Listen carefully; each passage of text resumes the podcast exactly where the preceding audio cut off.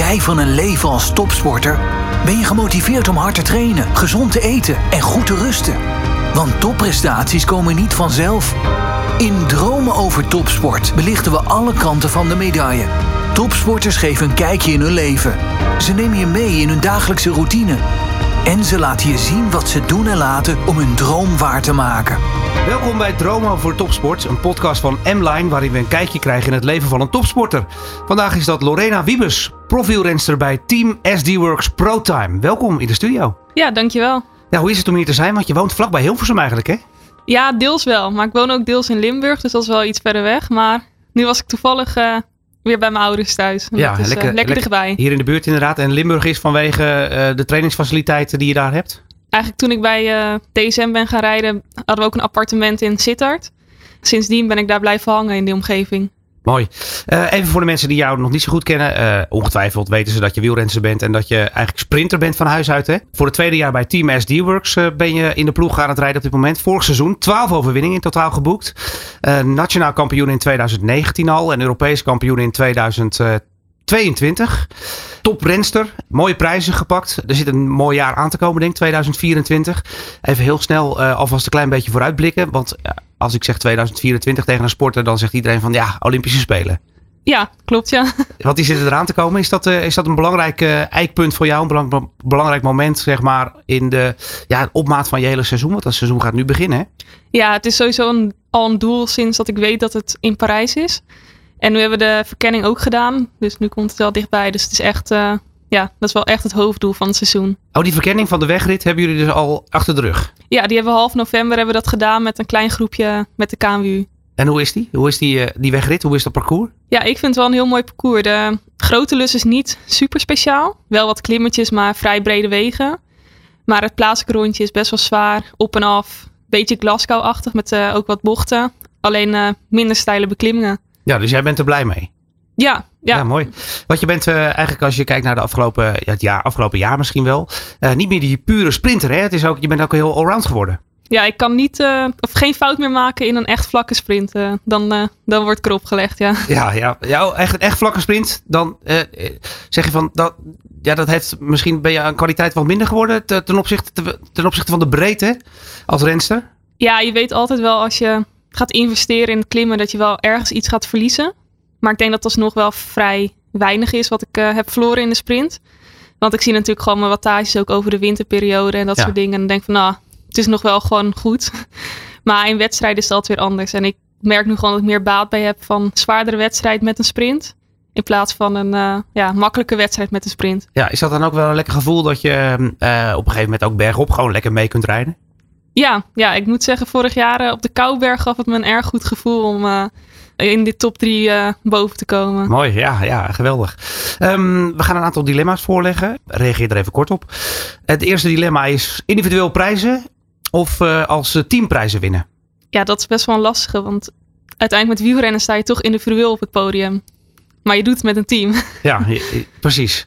In het wielrennen is het eigenlijk ja, toch iets meer richting individueel.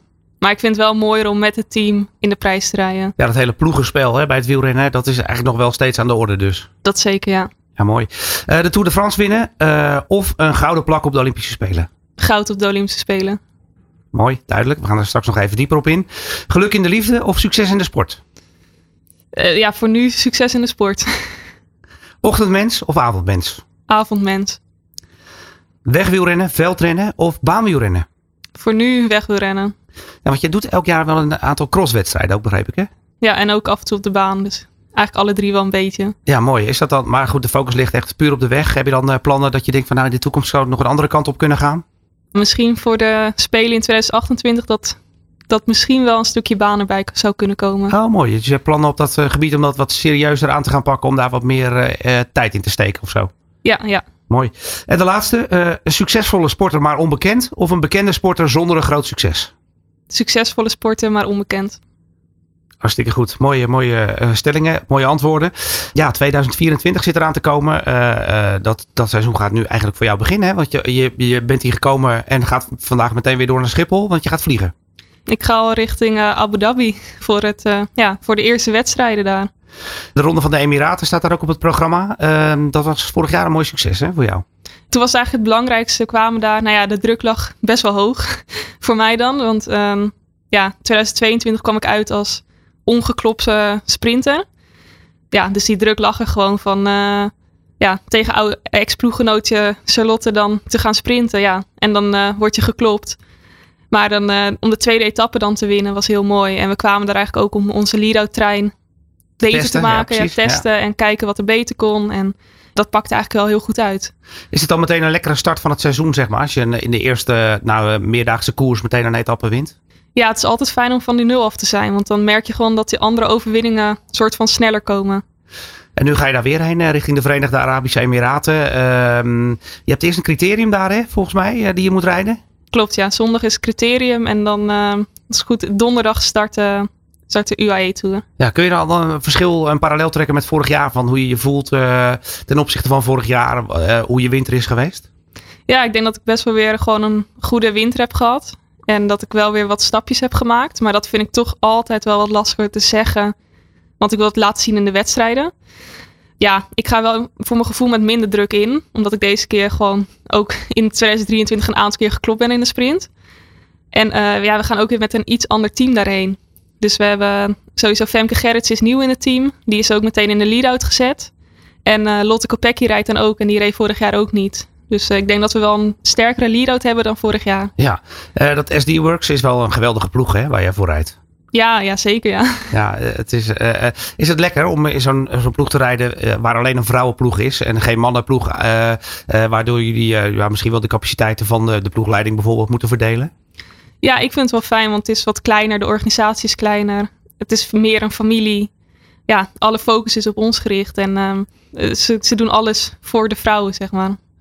Ja, we, gaan in deze podcast, uh, we gaan in deze podcast een klein beetje kennis maken met jou als, uh, als sporter. Hoe is het allemaal begonnen, het wielrennen? Uh, als klein meisje misschien? Of is dat bij toeval begonnen? En ben je eens gaan mee fietsen met een club of zo? Hoe ging dat bij jou? Ja, ik had eerst eigenlijk helemaal geen interesse in het wielrennen. mijn vader deed altijd vroeger, heel ver terug, triathlons. En daarna is hij een beetje bij de club gaan fietsen. En ik had nooit echt interesse. Ja, ik deed nog acrobatische gym. En dan deed ik af en toe wel op zondagochtend uh, een veldritje bij de club. Gewoon op een BMX fietsje. Want ja, dat vond ik gewoon leuk. En dat uh, verder zonder training. En uh, vooral omdat je daarna natuurlijk wat gezelligheid had daar. Toen ben ik op een gegeven moment daarmee gestopt met het acrobatische gym. En toen heb ik een beetje, ja, ben ik een beetje gaan voetballen. En toen begon ook het wegwielrennen. Dus eigenlijk kwam het meer door mijn vader dat dat hij me toch uiteindelijk op de fiets heeft gekregen. Ja, en dat komt binnen dezelfde club, zeg maar. Eh, waar je dan uh, af en toe een veldritje deed. Daar kon je ook op de weg gaan fietsen. Dat uh, is UETC uit Hoorn. Daar ben ik eigenlijk nog steeds uh, lid van. Want ja, voor een licentie moet je lid zijn van de ja, club. Precies. Ja, Dat is ook lekker dichtbij. Bij huis was het dus vaak op de fiets heen. Daar even of een veldritje rijden of even een trainingje doen. En dan weer uh, op de fiets terug. Ja, op een gegeven moment merkte je, of dat hoorde je misschien wel van mensen om je heen, van nou, het gaat wel echt lekker dat, uh, dat fietsen op de weg. Hoe is, dat, hoe is dat bij jou gegaan? Dat eerste moment dat je dacht van, nou, ik ben hier eigenlijk best wel goed in. Nou ja, volgens mij had mijn vader al eerder een wegfietsje gekocht voor mij. Toen was ik denk, ja, dat was een categorie 6 denk ik. Toen had ik eigenlijk geen interesse. Toen ben ik meer gaan veldrijden, ook nationaal. En toen als nieuweling ben ik toch ook op de weg gaan rijden. En toen behaalde ik volgens mij in het eerste jaar twee podiumplekken. En toen toen vond ik het toch wel leuk. Ja, ja precies. Ja, mooi. Uh, had je het gevoel dat het inderdaad lekker ging vanaf het begin? Uh, dat je eigenlijk met, misschien al met de beste mee kon komen in die, in die eerste wedstrijden die je deed? Ja, ik werd er niet, ja, heel af en toe wel afgereden, maar niet vaak. Maar ik moet zeggen dat volgens mij had de fietsen maken waar we altijd heen gingen altijd eerder door. Maar ja, ik was daar niet zo heel erg mee bezig. Ik vond het gewoon wel leuk om te doen. En ja, die wedstrijden rijden vond ik gewoon leuk. En het tweedejaars nieuweling, toen begon ik wel echt wel meer wedstrijden te winnen. En ja, dat is ook wel dat je door hebt van, oh ja, ik ben hier eigenlijk wel goed in. Ja, en, en, komt er dan op een gegeven moment interesse van een ploeg of zo? Hoe gaat dat in zijn werk? Hoe ging dat in jouw geval in zijn werk? Ja, op een gegeven moment als eerstjaars junior, aan het eind van het seizoen, kreeg ik eigenlijk een berichtje op dat moment van Hans Timmermans, die dan, uh, zoals op dat moment nog liftplantuur. Toen dacht ik eerst van, ja, ik word in de zijk genomen door iemand. ja, je weet helemaal niet, ja, ik wist helemaal niet hoe dat ging en zo. Maar um, ja, toen bleek hij dus wel uh, ja, een beetje interesse te tonen. En toen ben ik dat jaar daarop ook naar de talentendagen van hun geweest. In Oostenrijk was dat. Maar toen zeiden ze wel dat ze op dat moment mij er nog niet klaar voor vonden om meteen de overstap naar de profs te maken. Als tweedejaars junior dan naar de elite categorie. Ja, toen was je hoe oud? Dan ben je volgens mij rond de 18 jaar als je tweedejaars uh, junior ja. bent. Op dat moment dat eigenlijk volgens was het op dat moment ook Sunweb, dus afhaakte. Toen kwam Parkhotel in beeld.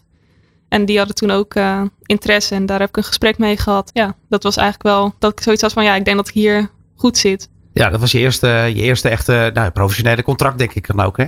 Ja. ja, precies. Inmiddels ben je een, een jaar of wat verder. Uh, SD Works is je ploeg. Uh, daar ga je nu het tweede seizoen in. Is dat, een, uh, is dat een heerlijk leven, zeg maar, het leven van topsporter zoals jij dat nu bedrijft, zeg maar? Ik mag niet klagen, denk ik. ja, af en toe, ja, natuurlijk, de trainingskampen zijn gewoon echt zwaar. Want dan maak je gewoon heel veel uren en ja, dan ben je best wel naar de kloten na zo'n training. Maar er wordt er ook wel weer voor ons gezorgd. Want daarna hebben we massage en het eten staat klaar, want we hebben een kok mee. Dus dan, uh, ja, dan mag je ook weer niet te veel klagen als je gewoon in de zon kan fietsen. Alles is geregeld. En dan de mooie omstandigheden, inderdaad, een lekker zonnetje. En dan is het gewoon een paar weken achter elkaar knallen of een weekje? Ja, vaak zijn de trainingskampen ongeveer twee weken. Daarna neem je wel weer in ieder geval vaak een klein beetje gas terug.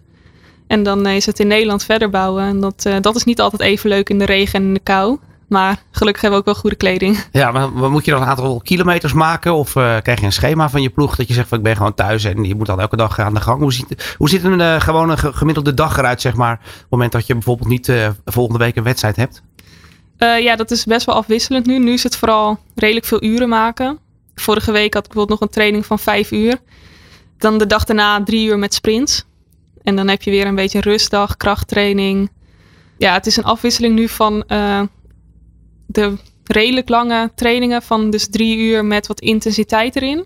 En de lange duurtrainingen waar meer gewoon uh, ja, zone 1, zone 2 wordt getraind. Ja, en uh, dat zijn trainingen in weer en wind, denk ik. Hè? Want je moet ze op een gegeven moment uh, toch wel allemaal doen, die, die training. Je kan niet zeggen eens een dagje van nou, het regent nu veel te hard, ik blijf nu binnen. Ja, heel af, of af en toe kan je wel wat verschuiven. Als ik weet dat het vandaag echt heel slecht weer is en morgen is het schijnt het zonnetje, dan kan nog wel eens wat verschoven worden. Ja. Maar vaak is het toch wel gewoon het uh, regenjek aan en gaan. Ja, precies. Is het dan alleen maar fietsen of ga je ook de sportschool nog in? Ja, ik doe ook uh, krachttraining. Dat uh, probeer ik nu twee keer per week wel te doen.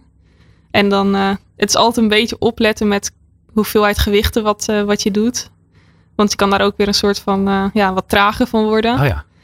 En natuurlijk ook de spierpijn die er voorbij komt kijken. Maar ik denk dat ik daar nu ook wel een redelijk goede balans in heb gevonden. Ik heb een, in Limburg in ieder geval een soort van eigen gym gemaakt. Kan ik gewoon wanneer ik wil, kan ik uh, de sportschool in. Dan kun je met gewicht in de weer en, de, de en dergelijke. Maar inderdaad niet, niet te fanatiek. Uh, dat je, je moet een beetje aan je spieropbouw denken. Het, heeft natuurlijk niet nut om heel veel spieren, niet zoals de baansprinters zeg maar. nee, je moet ook weer mee omhoog nemen met gewicht. Ja, dat van die baansprintspieren, dat komt later misschien wel. Ja, dit is een beetje jouw dag zeg maar. dan is het verder veel rusten tussendoor denk ik. En dan opkijken weer naar de volgende dag en dan weer die kilometers maken hè? Ja, het is eigenlijk wel vaak uh, herhaling. ja, nou zit zo'n uh, ronde van de Emiraten eraan te komen met een aantal etappes. Hoe ziet een dag er dan uit? Want uh, ja, je begint s morgens, je weet op een gegeven moment rond 12 uur moeten we starten. Is het dan een kwestie van rustig wakker worden, ontbijten? Of zit daar nog een heel, heel veel werk aan vooraf, zeg maar, voordat je eenmaal op de fiets zit voor de start? Nou ja, we krijgen van de ploeg altijd wel een schemaatje van zo laat vertrekken we naar de start en, enzovoort. En ik vind het wel fijn om wat uit te slapen en dan gewoon te ontbijten. Vorig jaar was het zelfs zo dat ik op een gegeven moment uh, net op tijd was voor het ontbijt. Oh. Omdat ja, want de etappes beginnen inderdaad volgens mij daar rond 12 uur, 1 uur. Dus ja, dan, dan heb je gewoon veel tijd. Maar dan moet je er ook weer rekening mee houden dat je ongeveer drie uur voor de wedstrijd je laatste grote maaltijd hebt genomen. Ja. ja, dan kan het zijn als je dus eerder wakker wordt dat je ook nog een soort van lunchpakketje moet maken. Om dan nog even voor de wedstrijd uh, genoeg te eten. Dat je vlak voor de start nog wat eet, hoor. iets lichts of zo? Of, uh, of ja, ja, dat doe ik vaak wel met een reepje of iets. Ja, ja als je natuurlijk om acht uur om, te, om aan het ontbijt zit. Dan moet je daarna ook nog eens uh, drie uur van tevoren nog een keer wat eten. Oké, okay, ja, precies. Ja, dan ga je fietsen. Dan is het een paar uur knallen, zeg maar. En dan is die etappe geweest. Wat, wat gebeurt er dan allemaal? Want de meeste mensen zitten dan de tv uit. En tegenwoordig zien we jullie ook op televisie, inderdaad. en wat, wat doen jullie dan de rest van de dag? Nou ja, dan is het natuurlijk hopen dat je naar de podiumceremonie mag. Daarna is het, uh, zoals in de Emiraten hebben we dan niet het eigen materiaal van de ploeg. Dus dan heb je daar gewoon auto's en busjes van de organisatie. Dan is het dus terug naar het hotel ja. rijden in, uh, in zo'n, ja, voor ons is dat een klein busje, omdat we natuurlijk de grote ja. ploegbus gewend zijn. is dat, hè? Ja. ja, die hebben we daar dus niet. Dan is het uh, verzorgen, masseren en dan weer eten. En dan weer naar bed toe. En weer slapen. En hopelijk een beetje uitslapen inderdaad. Uh, ja. ja. en dat scheelt dus met die etappes die dan laat beginnen. Dat je de nabespreking vaak uh, de dag daarna even doet voor de wedstrijd Ja, voor de start normaal gesproken in die grote bus. Maar dan misschien ergens in een hotel of zo. Ja, of wat is het onder zo'n soort van partytent in de zon? ja, oké, ja, dat kan daar inderdaad. Is er nog tijd om iets voor jezelf te doen? Uh, bijvoorbeeld spelletjes met je ploeggenoten. Je ziet dat vaak, hè, sporters die uh, aan het kaarten zijn of wat dan ook. of is daar eigenlijk helemaal geen ruimte voor? Ik lig wel vaak met een van de lead-outs op de kamer. Dus dan is het meer van dat we eigenlijk de, de lead-out bespreken. En dat we ook meteen weer voor de volgende dag bespreken. En ja, daarna ga je wel gewoon een beetje eigen ding doen. of even op Netflix serie verder kijken of iets. Of als je echt helemaal moe bent, uh, toch even eerder naar bed toe. Ja, maar jullie zijn echt wel echt dan uh, continu met sport bezig. Hè? Als je inderdaad nog terug op de kamer na het eten die lead-outs gaat bespreken. Wat, uh, wat, ja, waar gaat het dan over, zeg maar? Over wie op welk moment zeg maar, in het treintje moet rijden? Ja, of als we een foutje hebben gemaakt, dat we dat ook meteen bespreken. En, of iets zeggen dat we de volgende keer beter kunnen doen.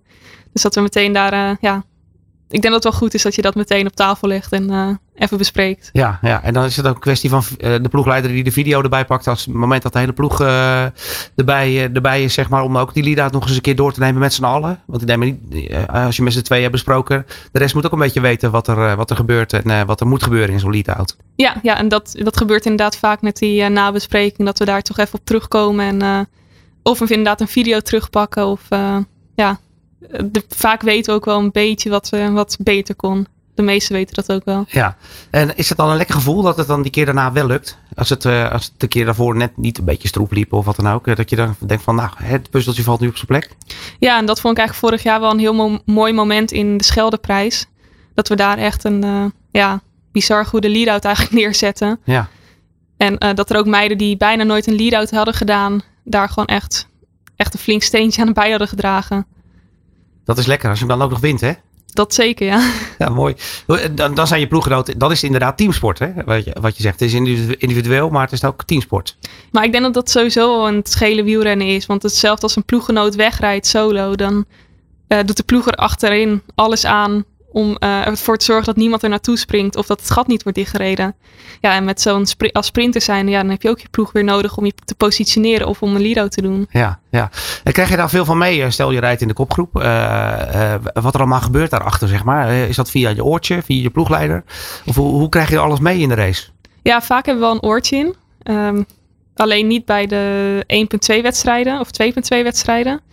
Dat is de categorieën, zeg maar, in de World Tour ja. en dergelijke. En wat, alles wat daaronder zit. Ja, en dus dan krijgen we wel vaak dingen in mee. En uh, ook de voorsprong van de kopgroep en dat soort dingen. En uh, ja, daar worden ook wel vaak keuzes gemaakt van wie moet als eerst gaan rijden om bijvoorbeeld een gat dicht te rijden.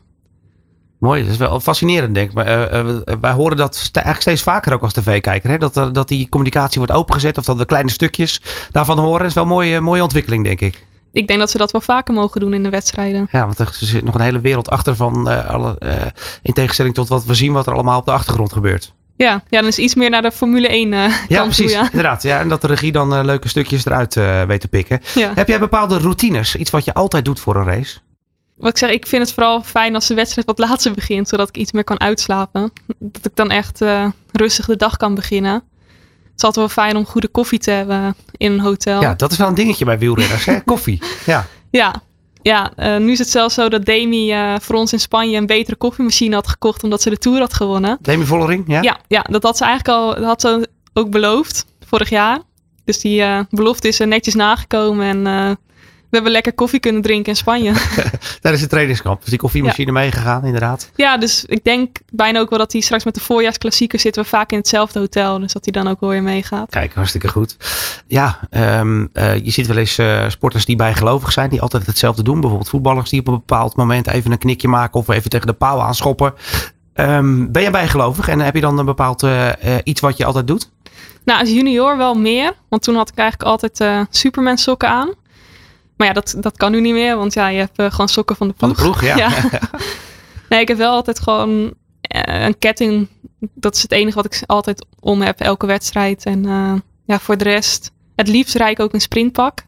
Dat is, maar dat is oh, ja. meer een beetje iets mentaals misschien. Ja, omdat je daar goed in voelt? Ik vind dat wel, sprinten moet je gewoon lekker in je sprintpak gaan rijden. En, en niet in broek en een shirt aankomen. Ja, mooi. En, en, en dat kettingje, is dat nog iets met een bepaalde betekenis voor je? Uh, heb je die al jarenlang om of zo? Ja, die heb ik al jarenlang om. En ook uh, een één hangertje, die heb ik van mijn oma gekregen. Dus dat, uh, dat is dan toch wel iets moois. Mooi, ja, ja hartstikke goed.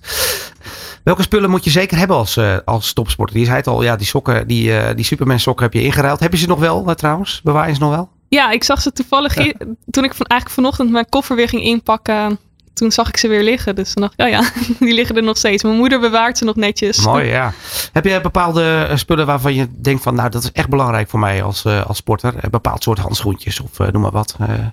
Ja, dan is het wel echt mijn sprintpak. Dat is wel echt heel belangrijk. Ja, dat ja. sprintpak. Dat gaat altijd mee, zeg maar. Die heb je ook in verschillende, of in de clubkleur, in de teamkleuren, zeg maar, dat sprintpak. Ja, die krijgen we gewoon van de, van de ploeg krijgen we een kledingpakket en dat, dat zit er dan bij in. Dan wil ik eigenlijk het liefst ook mijn aero sokken hebben en uh, de aero handschoentjes. Ja, en uh, dan zeg je tegen de ploeg, doe maar mij een extra setje van zo'n van zo'n sprintpak. Nou ja, dit jaar mochten we inderdaad zelf ons kledingpakket een soort van uitzoeken. Dus ik heb wel wat meer sprintpakken besteld, ja. Geweldig, oh, geweldig, mooi. Dus die sprintpakken gaan inderdaad uh, overal mee naartoe. Ja, als we gaan kijken naar jouw sportcarrière. Uh, je zei net al, op dit moment ligt de focus echt op de weg, zeg maar. Zo af en toe is een koersje erbij op de baan of, of in het veld. Je zei van, nou wellicht kan dat een beetje gaan verschuiven. W wanneer is dat moment dat je daar dan gaat denken van, nou richting 2028 lijkt nog heel ver weg, maar je bent daar toch al een beetje mee bezig in je hoofd. Ja, nu hebben we wel echt gezegd de focus op uh, Parijs. En daarna uh, gaan we weer verder kijken. Want ik vind het ook wel gewoon leuk om op, af en toe wat op de baan te doen. Maar het moet niet te, ten koste gaan van mijn wegcarrière. Nee, want dat is nu momenteel het allerbelangrijkste. Ja, en dat hangt natuurlijk ook weer af van het parcours straks uh, in 2028. Want ja, als het wegparcours bijvoorbeeld veel te zwaar is, ja, dan is het makkelijker om te zeggen van nou, dan kies ik toch voor de baan. Ja, in 2028. En, en baanwielrennen heeft ook iets heel aparts. Hè? En ook heel moois, denk ik, uh, dat baanwielrennen. Ja, maar toch vind ik het telkens wel weer spannend om de baan op te gaan. Ja, is dat zo? Ja, ja het is natuurlijk wel anders dan een wegfiets. En uh, ik weet niet, ik ben toch altijd een beetje bang om naar beneden te glijden als ik daar bovenin Ja, het is best schuin, hè? Zeg maar. Ja. Uh, precies. En er zijn ook, nou voor een leek is dat baanwielrennen misschien ook een beetje onbegrijpelijk. Er zijn zoveel disciplines. Ga je dan nog één of twee uitpakken? Ik vind de koppelkoers is ook wel een heel mooi onderdeel. Maar dat, dat is ook wel een redelijk gevaarlijk onderdeel. Ja, maar dat is wegzwaaien, dat wegswiepen is dat, hè? Ja, en verder is het Omnium natuurlijk ook wel gewoon een mooi, uh, mooi onderdeel. Ja. Als je nu terugkijkt op je carrière, uh, waar ben je het meest uh, trots op? Ja, dan denk ik toch wel die, de eerste gele trui op de Champs-Élysées. Ja, oh ja. En dat was in de Tour, de Tour voor Vrouwen inderdaad, op de Champs-Élysées. Dat is wel een ding geworden, hè, die, die Tour voor Vrouwen. En daar stond jij gewoon in het geel inderdaad daar heb ik ook een groot doel van gemaakt. Van ik wil die gele trui pakken op de Champs-Élysées. Dat lukte. Dus ja. dat, is, uh, dat is heel mooi. En om dan, volgens mij was etappe 5, de tweede etappe overwinst te pakken. Dat was best wel een geslaagde tour. Wel mooi. jammer dat ik die dag daarna dan weer uh, op, de, op het asfalt lag. Maar, ja, hebt hem niet uitgereden. Ik heb nog geen één keer de tour nee, uitgereden. Nee. nee. Dus dat is wel, staat wel iets op je lijstje. Ik hoop dit jaar hem eindelijk een keer uit te rijden. Ja. Ja, die tour, wordt steeds belangrijker voor vrouwen. Hè? Die, uh, dat, uh, op, op, zich ook wel slim geprogrammeerd door de tourorganisatie. Dat jullie veel uh, zendtijd krijgen op televisie. ook in Nederland komend jaar, hè, volgens mij. Ja, dus dat is eigenlijk het tweede grote doel van het seizoen. Om hopelijk in Valkenburg met, ge met gele trui aan de start te staan. Ja, dat zou mooi zijn, inderdaad. In Valkenburg. Ja. Veel Nederlands publiek. Ja, ook dan dichtbij mijn tweede woonlocatie. Ja. Je kent het gebied daar. Heb je, weet je daar ook al het parcours nu? Je, je, hebt, je zei net, ik heb Parijs al verkend.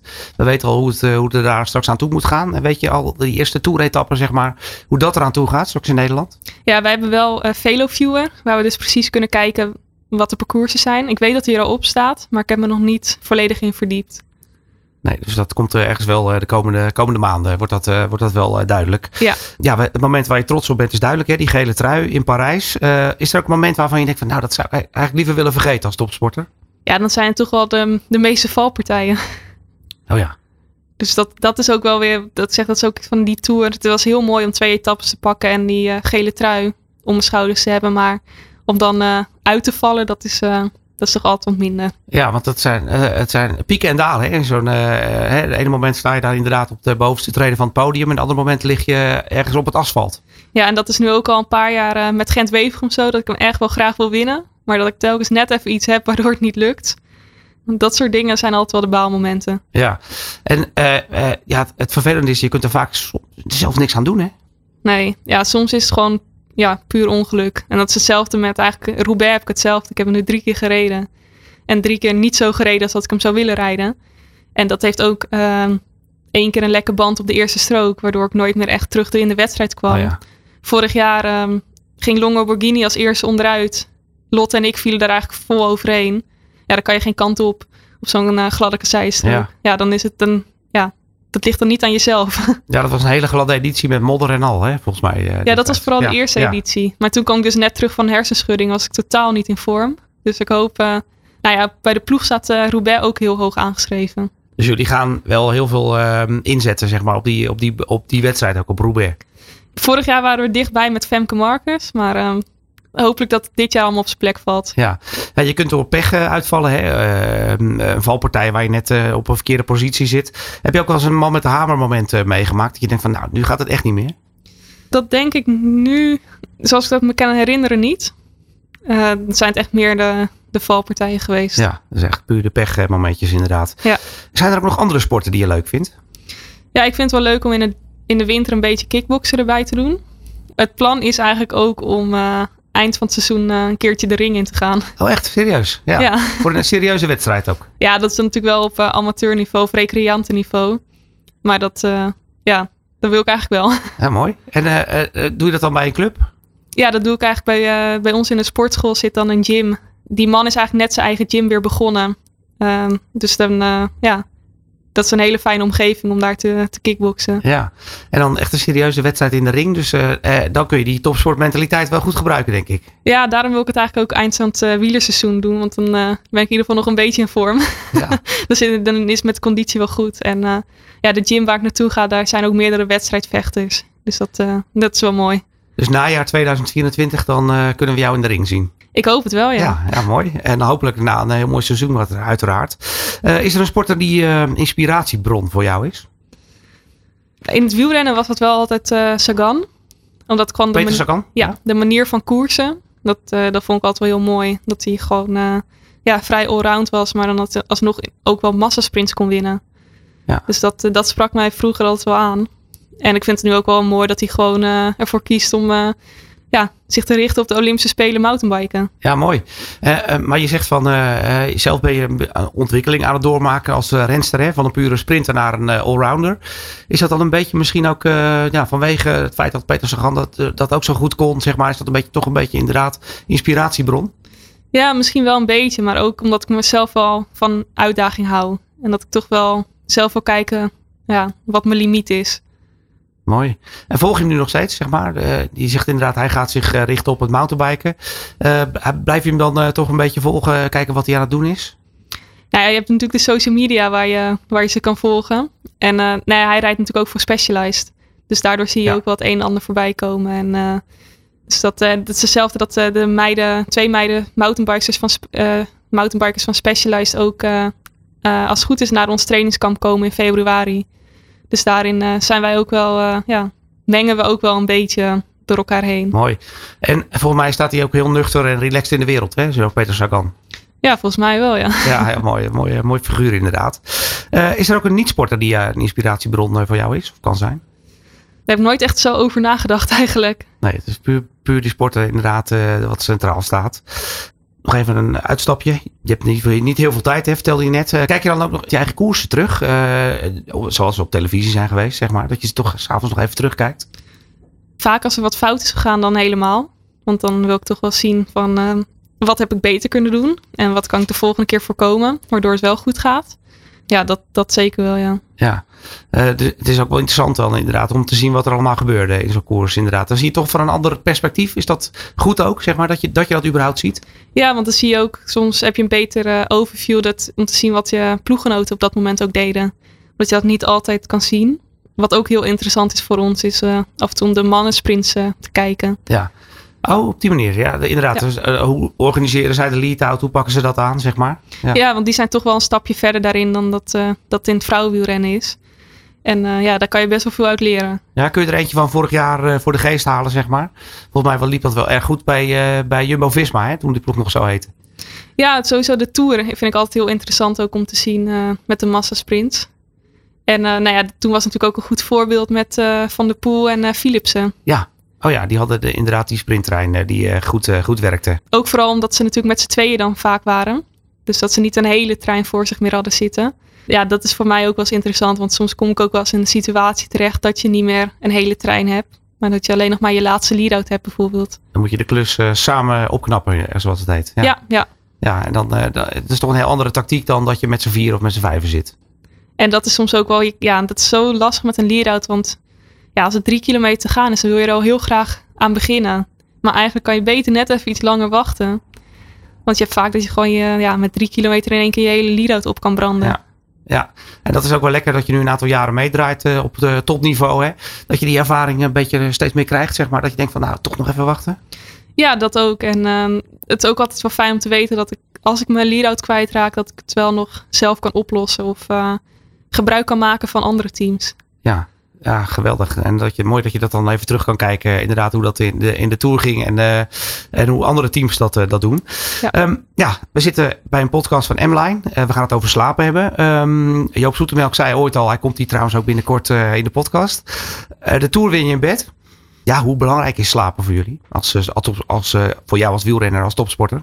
Ja, dat is toch wel heel erg belangrijk. En daarom hou ik er ook wel van om af en toe uit te slapen. Ja, gewoon uren maken. Gewoon uh, rustig aan doen, slapen? Ja, nou ja, ik ben sowieso iemand die ja, wat later naar bed gaat. Dus dan is het wel fijn om uh, ook wat later wakker te worden.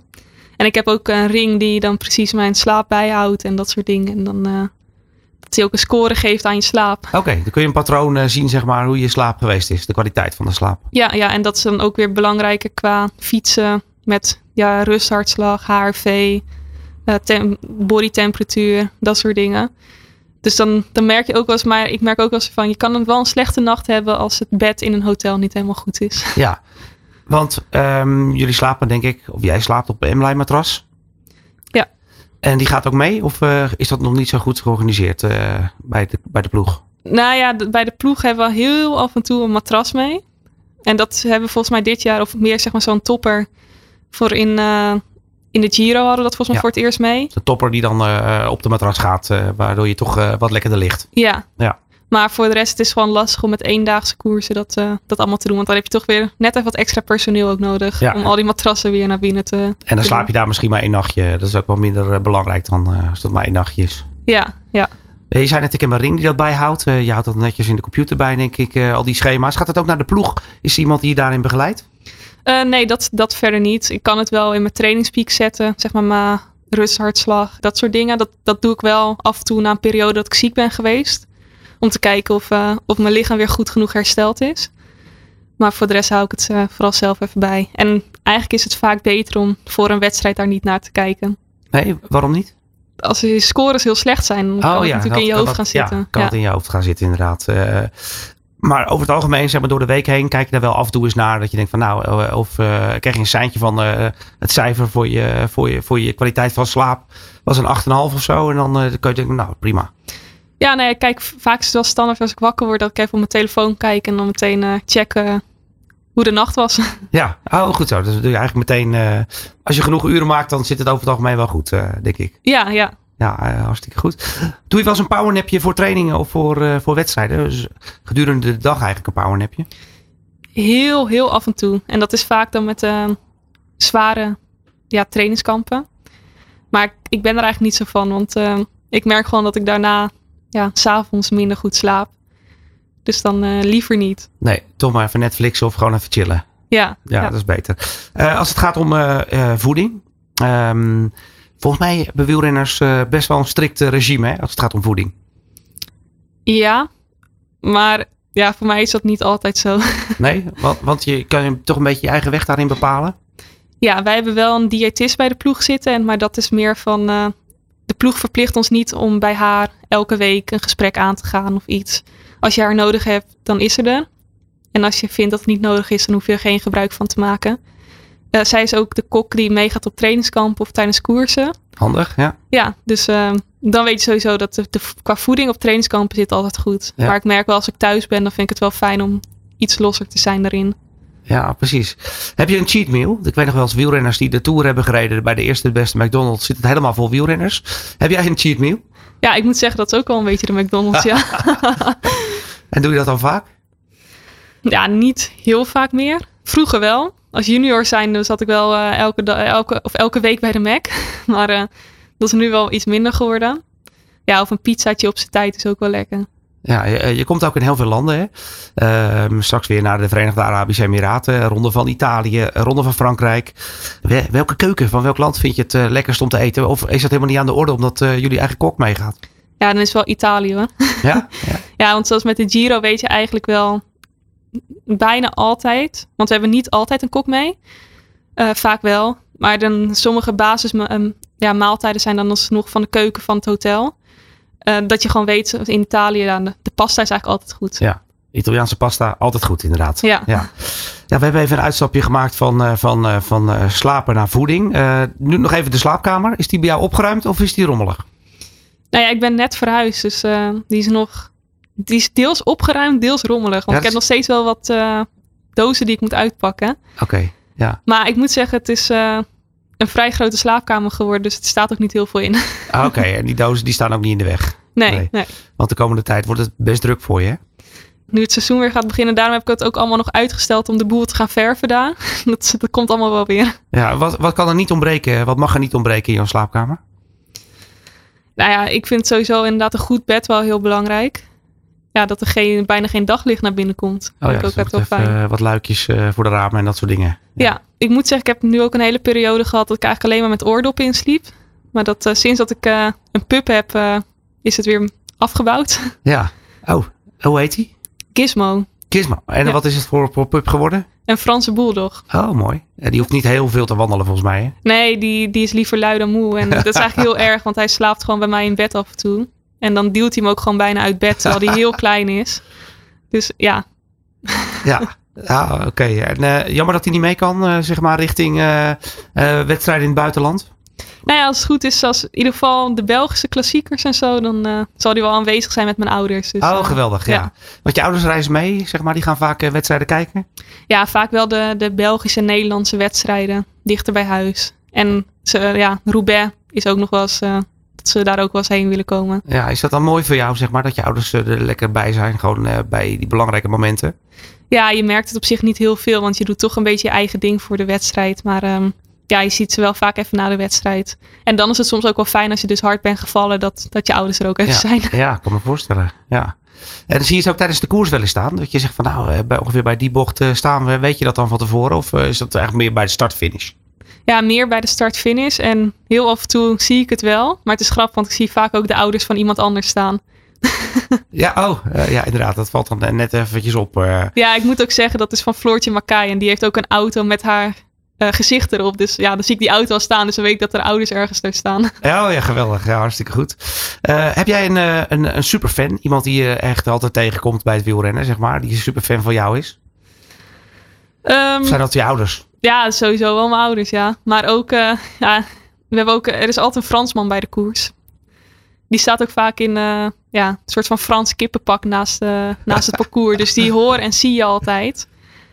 En ja, dat, die is volgens mij een fan sowieso van het hele vrouwenwielrennen. Ja, dus die is er eigenlijk altijd bij. Dat hoort gewoon een beetje bij het vrouwenpeloton, zeg maar. Zo'n zo superfan. Ja, eigenlijk wel, ja. Ja, mooi. Mooi dat hij er altijd is.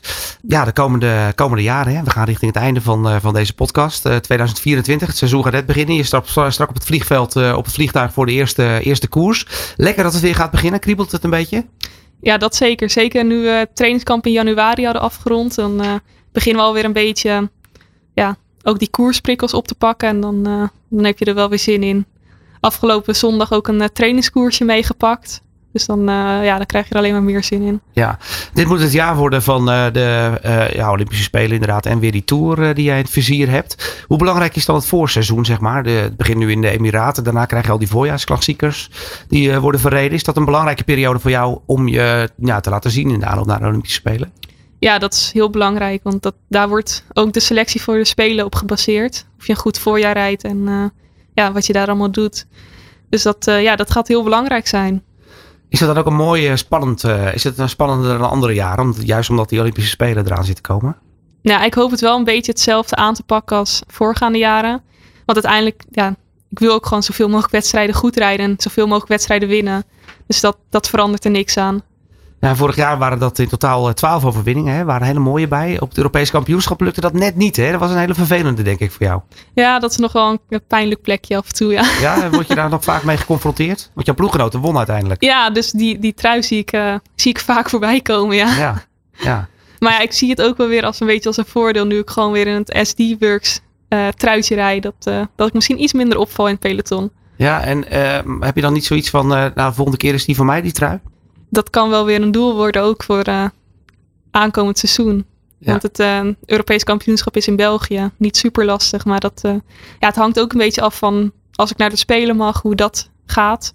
Kijk, als je daar een gouden plak pakt op de Spelen, ja, dan maakt zo'n Europees kampioenschap toch iets minder uit. Ja, er zijn eigenlijk de komende vier jaar geslaagd, zeg maar. Ja, ja, ja. en dat was het ook wel dat het vorig jaar zo zuur maakte. Want ik had al mijn, ja, mijn grote doel was Tour, WK, ja, Tour moest ik ziek verlaten. WK was ik ook nog steeds ziek. Dus die twee doelen waren volledig mislukt.